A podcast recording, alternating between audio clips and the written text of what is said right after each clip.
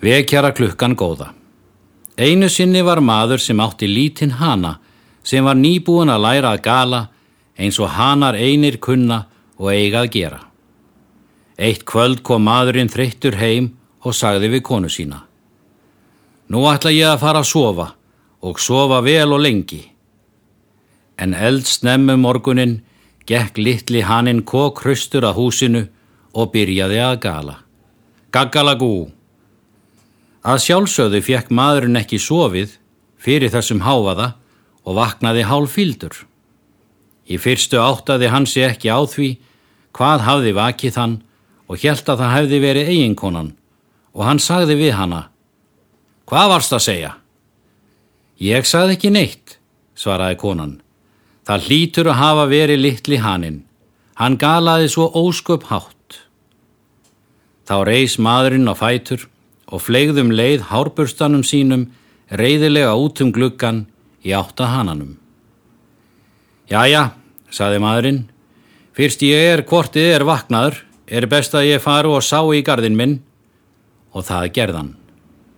Um kvöldi kom hann döðþreyttur heim eftir að hafa unnið gott dagsverk, staður áðinn í að sofa vel og lengi og hann fór upp í rúm og sopnaði.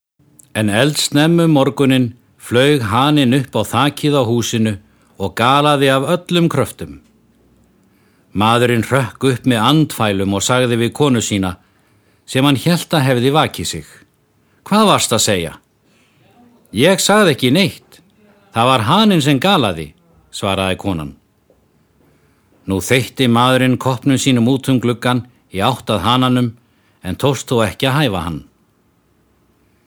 Jæja, fyrst ég er hvortið er vaknar, er best ég fara og reyti arfa í gardinu mínum og það gerðan.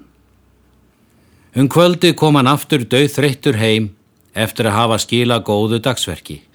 Staðráðin í að sofa vel og lengi. Hann batt hanan við staur í hænsnahúsinu og fór upp í rúm og sopnaði. En um morgunin hafði hanin nagað í sundur bandið og flög upp í glukkasilluna að húsi bóndans og galaði nú hærre en nokkru sinni fyrr. Maðurinn rökk upp eins og fyrir daginn og spurði konu sína höstuglega. Hvað varst að segja? Ég saði ekki neitt, svaraði konan eins og fyrir daginn. Það hlýtur að hafa verið haninn sem vakti þig.